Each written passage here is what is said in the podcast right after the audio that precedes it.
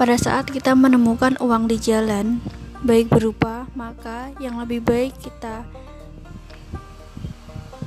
adalah mengambilnya.